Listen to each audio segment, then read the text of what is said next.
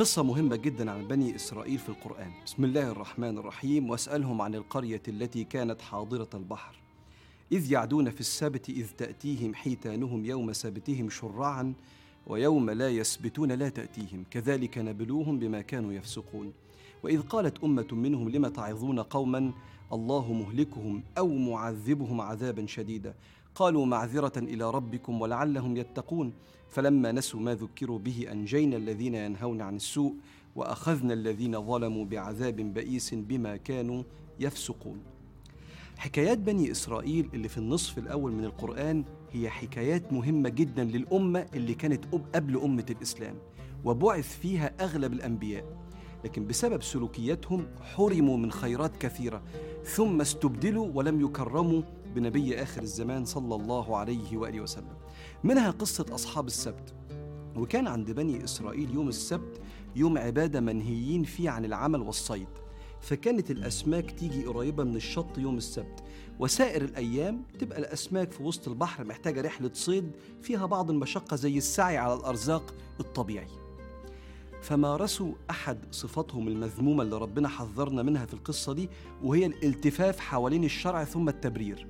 كانوا يروحوا يربطوا الأسماك يوم السبت بخيوط في الشط ويبقوا يلموها يوم الحد أو يضعوا الأكل للسمك يوم السبت في أحواض ضيقة يخش السمك يوم السبت ياكل يجي يطلع ما يعرفش ويلموه يوم الحد نوع من الالتفاف حول الشريعة واستحلال الحرام. لأن ساعات كتير بيبقى الحرام كتير وأسهل من الحلال. يعني البنت اللي بحبها وبخرج واسهر معاها أسهل بكتير من تحملي لمسؤوليه إن أنا أتقدم لأهلها والتزم قدامهم بخطوات جادة لبناء بيت للجواز. الغش في الامتحان المعلومة الجاهزة اللي بحطها في ورقتي من عقل زميلي أسهل بكتير من سهري عشان أتعلم أنا. والسر وراء الالتفاف حوالين كلام ربنا ثم التبرير بعد كده هي حالة شك في جدوى كلام ربنا. وراها سن سر تاني إن بيبقى في تعاظم للنفس كده إن أنا متصور إن أنا أعرف مصلحتي أكتر من ربي.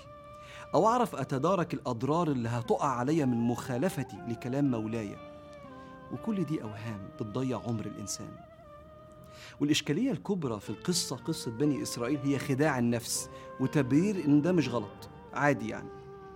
والمسافة بينك وبين التوبة وإنت شاعر بالتقصير كلنا بنغلط. لكن المسافة بينك وبين التوبة وأنت تشعر بالتقصير أقصر بكتير من المسافة بينك وبين التوبة لو الواحد بيكابر ويعاند ويبرر. لا يمكن ربنا سبحانه وتعالى يسيبك إلا وهيبعت لك اللي يصحي لك ضميرك لأن ربنا حتى رحيم باللي بيكابر ويبرر مننا. يعني مثلا دي اسمها خمرة وبتذهب العقل. وانت عارف ان الخمر رأس كل شر. ما تخدعش نفسك. حتى لو في صورة تانية في صورة حبوب ولا سجارة بانجو. يمكن شعورك بالذنب والتقصير في حق مولاك يشفع لك لكن الجدال وأقول إن أنا مش سكران رغم إني بشرب. أو أقول إن دي مش خمرة لأن ده حشيش ولا دي حبة ترامادول لأ ده التفاف حوالين الشريعة. نفس الكلام للي بيأثر مننا في الشغل ومش بيتقن فيه ومش بيشتغل باهتمام بدعوة إن الناس كلها بتعمل كده. أو بشتغل في الشركة دي على قد فلوسهم. أو اللي بيجتهد في البلد دي مش بياخد حاجة في الآخر. خد بالك إن ده كل ده تبرير والتفاف حول الشرع وربنا عليم بذات الصدور.